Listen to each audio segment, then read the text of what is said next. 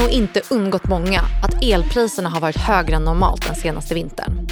Sverige och Europa har avreglerade elmarknader och el handlas under fri konkurrens. Elnäten har blivit mer ihopkopplade och elen kan flöda över nationsgränser. Syftet med elmarknaden är att de samlade resurserna ska utnyttjas så effektivt som möjligt för att tillgodose efterfrågan hos elanvändarna. Den svenska elmarknaden är sammankopplade med 15 andra länder i Europa genom Nordpool som är Europas ledande kraftmarknad. Marknaden fastställer priset på den elen som produceras genom budgivning mellan olika producenter, stora elanvändare och handelsbolag. Sverige är indelat i fyra olika prisområden som vardera får ett eget pris efter budgivning. Som årsgenomsnitt var systempriset, det vill säga referenspriset på den nordiska marknaden, det högsta någonsin under föregående år. För 2021 blev referenspriset 63 öre per kilowattimme, vilket är en ökning med 52 öre jämfört med året innan, vilket man kan säga motsvarar 554 procent.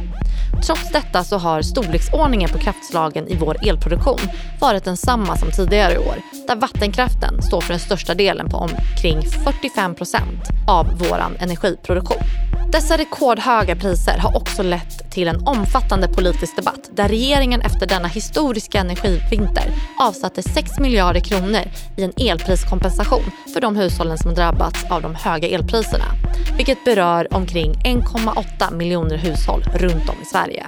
Men vad har orsakat dessa rekordhöga elpriser som har bidragit till att energifrågan är mer omdebatterad än någonsin?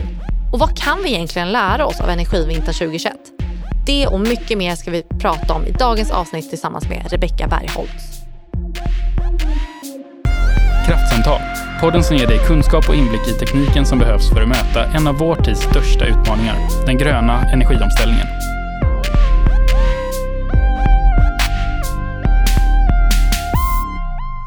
Rebecka Bergholtz är uppvuxen i Småland, men har studerat i Linköping, Paris och Nottingham.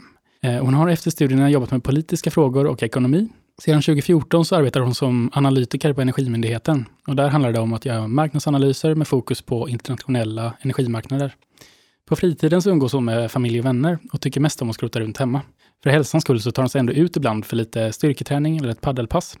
Hon har nämligen precis som övriga Sverige precis insett hur eh, otroligt roligt det är med paddel. Varmt välkommen hit Rebecka. Ja, kul att vara här. Så eh, Rebecka, alltså du arbetar dagligen med energimarknaden och eh, försörjningsfrågor utifrån ett europeiskt och globalt perspektiv. Och, mm, ehm. Jag tänkte, liksom, vi hoppar direkt in och säger, vad beror vinterns höga energipriser på? Som en öppnande fråga. Det har varit en mängd faktorer under hösten, kanske framför allt och fortsatt under vintern, som har lett till eh, höga priser. Mest drivande har kanske naturgaspriset framförallt varit. Mm. Eh, vi har sett nya rekordpriser för naturgas eh, löpande under hösten och vintern och det har också drivit upp priset på el, kol, utsläppsrätter och i viss mån också oljepriset. Mm. Sen har också andra faktorer spelat in eh, där vi har haft lägre vindkraftsproduktion till exempel. Vi hade en låg hydrologisk balans i början på hösten som stärkte priserna och flera eh, andra sådana faktorer som tillsammans också har stöttat priserna eller har tryckt priserna uppåt. Eh, och såklart framförallt den, den starka ekonomiska återhämtningen efter pandemin eh, under hösten som har bidragit till en stor ökning i energiefterfrågan. Just det, så det är ett, eh, ganska, en komplex situation med, med många olika faktorer som samverkar för att driva upp elpriset. Eh, men en, en eh, del var ju eh, naturgaspriserna då, som var en, en av huvudorsakerna. Ehm, så att, men hur kommer det sig att vi i Sverige faktiskt eh, påverkas så mycket av naturgaspriser när vi inte bränner så mycket naturgas? Dels så påverkas vi direkt i och med att vi har en viss import av naturgas även om den är ganska liten. Mm. Då påverkas ju de som köper den naturgasen eh, såklart direkt. Men sen påverkar också naturgaspriserna via elpriset i Sverige eftersom naturgas är en relativt stor del av den europeiska elmixen. Eh, och eftersom vi har handel med utlandet så påverkas vi också av de europeiska elpriserna i viss utsträckning. Just det. Och hur kommer det sig att vi exporterar el till kontinenten när vi ständigt pratar om att vi har kapacitetsbrist i Sverige. Eller det är i alla fall vad man hör mycket i tv och radio. Det finns ju kapacitetsbegränsningar i överföringsmöjligheterna från norr till söder, vilket gör att eh, ibland så kan det finnas tillgänglig el i norr, eh, men den elen kan inte helt obegränsat skickas till södra Sverige där efterfrågan kanske finns. Och det gör att vi kan ha ett överutbud i norr men ändå behöva importera el i södra Sverige och då får vi också, då blir vi också påverkade av de europeiska elpriserna. Ja, och nu när du är lite inne eh, på, det här att vi faktiskt be, blir, vårt energisystem blir, blir mer och mer sammanvävt med Europa. Eh, just med tanke också på ditt dagliga arbete tänker jag. Hur ser du på utlandshandel på elmarknaden? Utlandshandeln är ju någonting just på elsidan som eh, är eh, efterfrågat inom EU Eh, man vill att det ska finnas elhandel mellan länderna för att det skapar ett mer robust elsystem i unionen som helhet. Vi har ju också utlandskablar på plats och de, eh, det gör att vi inte kan begränsa elexporten eh, från Sverige utan det måste alltid vara tillåtet att använda en viss kapacitet på de här utlandskablarna. Ehm, så att Sverige kan inte annat än under vissa omständigheter begränsa egentligen ut, utförseln av el från Sverige på de här eh, utlandskablarna som finns. Mm. Och eh, så jag vet att det har ju varit också lite en di diskussion och dialog det här, borde Sverige exportera el eller inte? Är det här då ett beslut som ligger utanför Sveriges eh, ja, men förmåga att kunna ta beslut om utan för att vi redan är en del av ett europeiskt eh, e-, energisystem? Eller hur ser du på det där? Ja, men så är det. Det, det är inte tillåtet, som jag sa, att begränsa eh, handeln på utlandskablarna eller begränsa kapaciteten annat i, i viss utsträckning på utlandskablarna. Sen är det ju också så att eh, Sverige inte alltid har en export av el. I vissa dagar, vissa perioder så behöver vi också import från andra länder och skulle vi inte ha den då skulle det vara en högre risk för avbrott i elleveranserna helt enkelt. Mm. Så det där skapar, handeln skapar um, en, ökad robusthet i det svenska elsystemet. Mm. Men samtidigt tänker jag också att vi i Sverige vi pratar om att vi är nu verkligen i början av vågen av elektrifiering. Vi pratar om att vi kommer att ha ett ökat energibehov, eh, framförallt framåt. Men hur, hur ser vi att vi kan göra lokala investeringar som kanske då inte äts upp av våra närliggande länder? Jag tror att man måste se att de här prissignalerna, alltså till exempel att vi får ett högre elpris, det är jätteviktigt för att vi ska få en ökad också produktion av el, både i Sverige men i hela Europa egentligen, som vi behöver. Eh, så att prissignalerna är jätteviktiga för att marknaden ska etablera ny produktion. Mm. mm. Och um, hur ser du på, men, nu så ligger vi på en nivå med handeln och vi kommer att öka produktion, öka konsumtion i Sverige eh, och Europa. Tror du att handeln kommer stanna på samma nivå eller kommer den öka? Eh, jag har ingen aning. Eh, det, det, finns ju flera faktorer som påverkar det också. Nu har Norge till exempel, som vi har importerat mycket ifrån tidigare, blivit klara med en annan kabel så de kan exportera mer till kontinenten. Mm. Finland har kärnkraftsreaktorer på gång och Finland är vår största eh, exportland, alltså dit vi exporterar mest el. Mm. Eh, det är möjligt att den balansen också kommer förändras när de får en ökad inhemsk elproduktion. Så att det där är nog någonting, och det, så är det med hela elsystemet och egentligen hela energisystemet, att vi befinner oss nu i en väldigt föränderlig period. Mm. Eh, det behöver tillkomma ny elproduktion, en ny energiproduktion, användningen behöver förändras. Och det där kommer liksom Eh, variera mycket över tiden framöver i och med att vi också är mitt uppe i energiomställningen nu. Det kommer behöva förändras väldigt mycket. Hur, eh, så som energilandskapet ser ut idag kommer inte vara det som gäller i framtiden helt enkelt. Mm. Så då kan man helt enkelt säga att även om det var en historisk vinter med höga elpriser så kan det faktiskt ha skickat ut en rätt signal, om jag förstår det rätt, till den Europeiska unionen och att det här är någonting vi behöver investera mer i för att inte säkerställa att vi hamnar i den här situationen igen? Ja, där har vi ju redan hamnat. EU-kommissionens president Ursula von der Leyen sa ju häromdagen att EU nu behöver massiva investeringar i förnybar elproduktion. Man behöver bryta det här beroendet av bland annat rysk fossil, mm. både naturgas och olja. Och det där är ju såklart någonting som EU har vetat under en längre mm. tid. Beroendet har vi ju haft sedan länge. Men de här höga priserna tillsammans med Ehm, den säkerhetspolitiska situationen nu i Ukraina gör ju att det här beroendet blir väldigt problematiskt och det visar på att vi behöver fossilfri e, energiproduktion i Europa. Mm. Ja, och du är inne lite på det, men vartannat år så tar ju faktiskt Energimyndigheten fram långsiktiga scenarion för energianvändning och energitillförsel i Sverige. Eh, och samtliga scenarion från senaste rapporten så framgår ju att energianvändningen kommer att öka ehm, och eh, samtidigt så har vi då sådana här faktorer som, som situationen i, i Ukraina och eh, i Europa. Ehm, hur tror du att det kommer påverka elpriset för oss konsumenter? Är det någonting vi kommer få vänta oss att det, det, det fortsätter vara så här höga elpriser eller kanske till och med högre? Nu på kort sikt framöver så ser vi att det finns mycket som talar för att vi fortfarande kommer ha ganska höga energipriser. Mm. Eh, men det är ju i det korta perspektivet.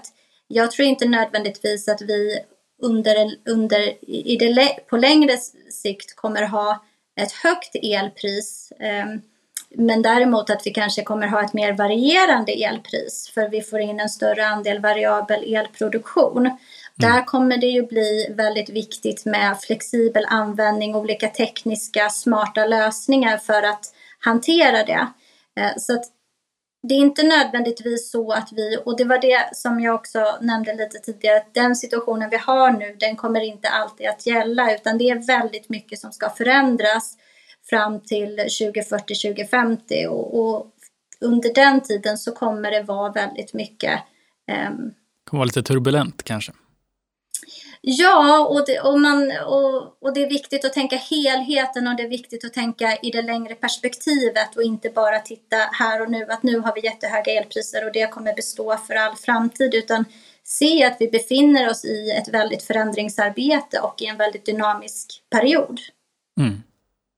Ja, och du, du är inne lite på det här med de olika tekniska lösningarna vi ser framåt. Så jag tror att eh, det är ett jättebra tillfälle att ringa upp eh, Fredrik Isaksson på Hitachi Energy och prata lite om de tekniska lösningarna vi ser här. Fredrik Isaksson är en riktig veteran på Hitachi Energy. Han är vår account manager på västkusten eh, och hjälper kunder inom energi, industri och transport med hållbara helhetslösningar. Han gillar ett aktivt liv eh, och på vintern så är det hockey som gäller eh, och på sommaren så är det jogging som gäller. Semestrar gör han gärna tillsammans med familjen vid havet. Välkommen hit Fredrik! Mm, tack så mycket. Tackar. Jättekul att ha med dig i dagens podd Fredrik. Och vi har pratat lite här eh, tidigare om energivintern 2021 och de höga elpriserna som vi har fått känna på under eh, årets vinter. Eh, och vi började komma in lite på tekniska lösningar. Där skulle vi vilja ställa frågan till dig. Vilka tekniska lösningar ser du finns eh, som faktiskt kan motverka stora fluktueringar på just elpriset? Ja, det vi ser just nu som vi jobbar med i dagsläget är ju energilager med batterier eh, som är aktuellt eh, nu för att, eh, för att våra kunder ska kunna komma undan ett, ett bra elpris och kunna lagra energi eh, under sitt befintliga abonnemang. Så att eh, det är det och sen där måste man ju då komma ihåg att det är flera saker som påverkar att investera i ett energilager då. Det är ju att man ska kunna kapa effekttopparna eh, mm. och man ska kunna gå in på frekvensmarknaden som växer fram här nu. Då. Så eh, det, det, blir fler saker som att ha i, i eh, ja, tungan rätt i mun när man pratar om. Då. Så att, eh, det är väldigt intressant. Men det ser vi. Ja, och vad är det för, för typ av, av kunder som, som är intresserade av de här lösningarna? Ja, det är ju eh, det är ju våra ja, traditionella kunder också så att säga, men, men det är en ny marknad också för att eh, kunna göra de här eh, avtalen med tre parter så att säga. Så att, eh, man sätter upp till exempel solceller och energilager tillsammans eller laddutrustning av tunga lastbilar tillsammans med ett energilager. Mm. Eh, en liten kombination av de tekniska lösningarna där då. Just det. Eh, och eh, du, är ju, du sitter ju i Göteborg. Så, och hur, hur, hur tycker du man resonerar i Göteborgsregionen, alltså SF04? För att undvika höga elpriser? Är det, är det så att man, man kommer förlita sig mycket på peak shaving och på, på lager helt enkelt? Att man laddar upp batterier när det är lågt pris och använder energi när det är högt? Ja, alltså kortsiktig trend är det ju det man ser nu då. Eh, man vill ju helst ha eh, storskalig produktion också så att säga, men eh, i området. Men det är det här då och vi, vi har visat det här. Jag var med och sålde det första energilagret till Göteborg Energi som står i Falbygden 2010, 2011. Mm, mm, mm. Ja, det var ju tidigt då. Ja visst, så att mm. då, vi trodde ju stenhårt på det här, bland annat jag och flera mm. andra, att, att det här skulle komma då. Och, eh, och det finns redan rapporter och testerna är gjorda eh, för Elforsk då, så att det, det finns på hemsidan där att ladda ner och läsa igenom och se alla testerna vi gjorde tillsammans med Göteborg Energi då. Så att, eh, och det är de här eh, som ligger i grund nu då, frekvens, eh, laststyrning, toppstyrning, kommunicering med eh, externa kunder och de tankarna då. Så att eh, det är ju jätteglädjande att det här finns en del av det här nu som kommer fram då. Mm. Mm. Nej, för jag vi tänker på det, vi, vi, var inne lite på det tidigare i samtal med Rebecka också, det här att man gör ju väldigt stora industrisatsningar och jag tänker framförallt också i Göteborgsregionen har det annonserat stora satsningar likväl som uppe i norra Sverige och just det här, det förutsätter ju ofta den eh, eh, när man gjort eh, liksom, eh, affärs, eh, alltså det business caset, att man tänker då att vi har låga elpriser. Så jag tänker liksom, hur, hur resonerar man där kring att man faktiskt satsar mycket på industrin och samtidigt nu när man faktiskt har upplevt och, och eh, de här höga elpriserna som vi har haft i vinter? Ja, alltså det, det vi ser här det är väl att, att man vill bygga ut näten väldigt mycket. Mm. Eh, både, det har varit på investeringsdag för de lokala energibolaget spår ju en kraftig ökning av nätkapaciteten då. Mm. Antingen nya kablar eller nya tekniska lösningar för att matcha det då. Eh, och sen är det ju elpriset, det är ju två komponenter. Det är ju ett är ju nätanslutningsavgift och den andra är ju elhandel då. Mm. Avgiften då så att det, eh, det, det är väl Går man på elhandel och det är svårt att säga vad det är som ska ta ner elpriset då, förutom att, att man investerar i egen produktion på något sätt. Mm. Som, som, är, som industri då. Indikationerna på det har ju inte varit så tid, eller ja, fram till nu egentligen, men, men det här är ju jättestora satsningar som är väldigt viktiga för Sverige att vi, vi får det in till det här landet, för det är mm. mycket mm. eh, tunga en, ja, ingenjörs företag och mycket, mycket ingenjörsarbeten som, som kommer till regionen och till Sverige. Så, så här är det ju väldigt viktigt att, att man stöttar västkusten på de här investeringarna. Mm. Ja, nej, men det är ju det är glädjande att, eh, att det finns sådana här planer. Eh, och eh, du tar ju upp batteri som, som en huvudlösning. Ser man några andra lösningar också? Vätgas till exempel, är det någonting som, som du ser mycket? Ja, det eller mycket. Det, det, är ju det som jag kan berätta. Det är ju det som ni ser på nätet då att industrin eh, vill ju gå grön. Och mm. Man försöker och det, det, är mycket investeringar som planeras. Så det, det är testanläggningar och Prim tillsammans med Vattenfall för vätgas i Lysekil. Eh, även eh, det i eh, en, en metanolanläggning i Perstorp som kommer upp som man håller på att ladda för nu då för att ta bort CO2 i sina processer på den industriverksamheten. Då. Mm. Så det är väl de jag kan nämna här nu då som är, på, ja, som, som är officiellt klarerade men det, det finns fler också i regionen som för använda i sin process också framför allt. Eh, energilagring eh, är väl ett annat spår om man behöver ha energi längre över dagen än vad batterierna klarar. Då. Mm. Eh, men, men eh, initialt så är det vätgasproduktion för, eh, för, för sin egna process, ja. den industriella då. Mm. Sen om man får för mycket då, då finns det väl eh, säkert planer och, och, och kunna liksom eh, göra sin egen el då. Mm. Det låter ju på dig Fredrik som att det är väldigt mycket spännande som händer i det här området och att eh, det kanske kommer utannonseras ännu mer framåt. Ja, det kommer det nog att göra. Ja. Mm. Mm. Eh, så superspännande att få ha med dig i dagens avsnitt och stort tack eh, till dig Fredrik. Mm, tack så mycket för att jag fick vara med. Tack ska ni ha. Tack så mycket. Ja, jättekul att vi fick ha med Fredrik i dagens avsnitt. Och jag tänker lite först, eh, Rebecka, vad, vad tänker du kring vad Fredrik berättade här? Ja, men jag tänker att eh, de lösningar och de eh, tekniker som man pratar om, det är ju det som kommer vara en väldigt viktig del av utvecklingen framåt. Lagring kommer vara superviktigt eh, och just den här kombinationen av olika eh, tekniska lösningar, kanske mer lokalt i större utsträckning än vad vi har sett förut. Det kommer inte liksom i samma utsträckning vara ett stort stamnät och så får alla el därifrån utan det kommer behöva, det kommer ju fortfarande vara så såklart också men just att det här man behöver mer lokala lösningar och mer småskaliga lösningar. Um, det kommer ju vara en väldigt viktig del för att klara av utmaningarna framöver. Mm. Sen ser vi också att den här prisvolatiliteten som man pratar om, att det är ju också viktigt att skicka signaler för att eh, påverka användningen framöver. För användningen behöver bli mer flexibel eh, än vad den är idag. Um, så att det, där, där bidrar ju prisvolatiliteten till att eh, man ska använda mindre el till exempel när det är som dyrast. Mm. Där behöver vi få in de tekniska lösningarna för att eh, man ska kunna styra sin elanvändning i större utsträckning till exempel. Så man, man, eh, man tar hjälp av marknadskrafter helt enkelt för att optimera energisystemet? Ja, absolut. Ja. Eh, sen nämnde Fredrik också eh, det här med tillståndsprocesser och att det kommer behöva behövas mer nätkapacitet och det ser vi också som en väldigt viktig faktor för att vi ska kunna lyckas med elektrifieringen framåt. Vi behöver ha effektiva och hanterbara tillståndsprocesser.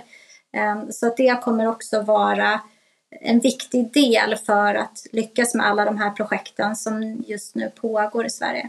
Sen så, du arbetar ju med energimarknaden nu från ett europeiskt eh, perspektiv. Ehm, och samtidigt medan vi spelar in den här podden så försiggår det mycket i Östeuropa med Ryssland och Ukraina. Så hur ser du på, på det, och, alltså både kort och lång sikt på hur, det är jättesvårt att, att svara på förstår jag, men hur kan det påverka det europeiska energisystemet? Ja, framförallt nu direkt så ser vi ju en prispåverkan. Dels har vi sett en prispåverkan sedan årsskiftet ungefär där en ökad oro har spett på de höga priserna. Eh, och ju mer, eh, ju mer upptrappad situationen blir desto högre priser ser vi. Och det får ju direkt och indirekt påverkan såklart på användningen och få spridning också i andra sektorer och på ekonomin, på tillväxten och så vidare.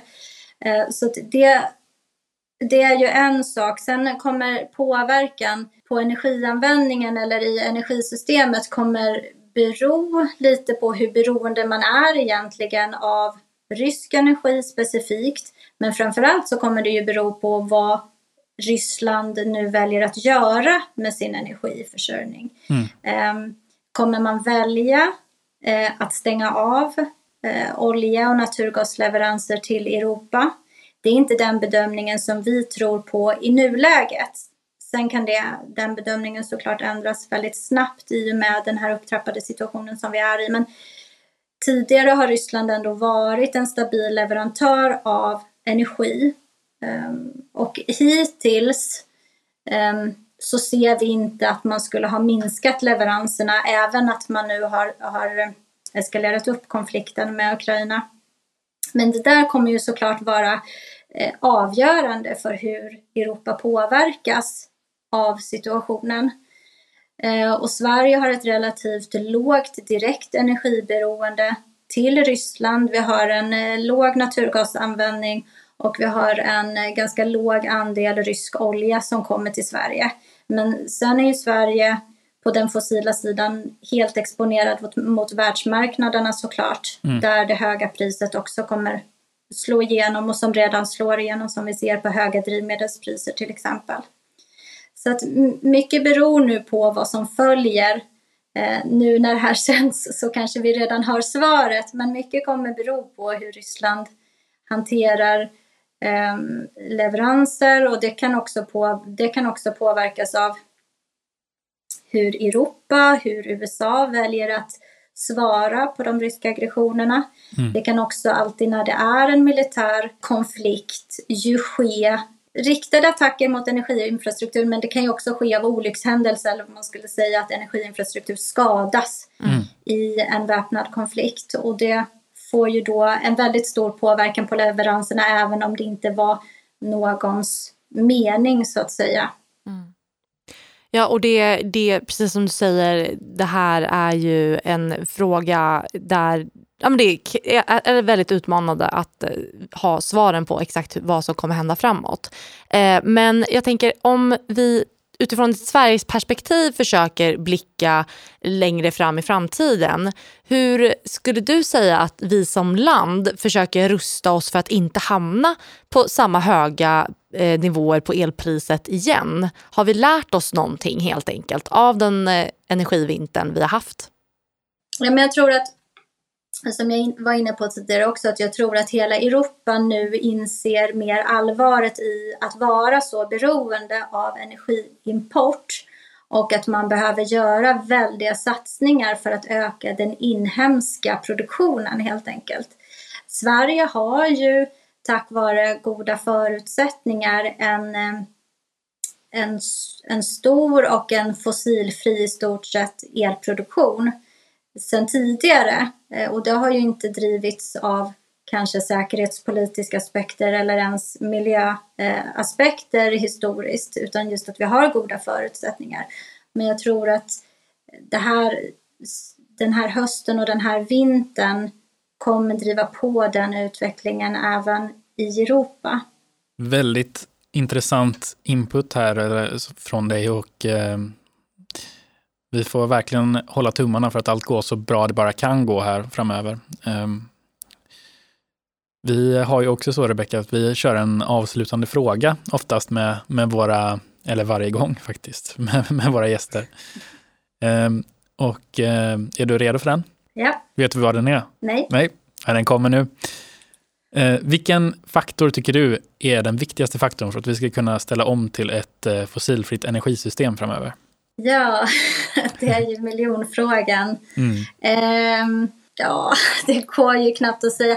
Om jag får fuska då och säga att jag tror att eh, det som det kommer vara väldigt viktigt att kunna göra flera saker samtidigt mm. framöver och att man inte man låser sig inte vid en teknik, ett energislag utan att man eh, man har en diversifiering eh, både vad gäller tekniker, vad gäller energi eh, vad gäller olika typer av lösningar.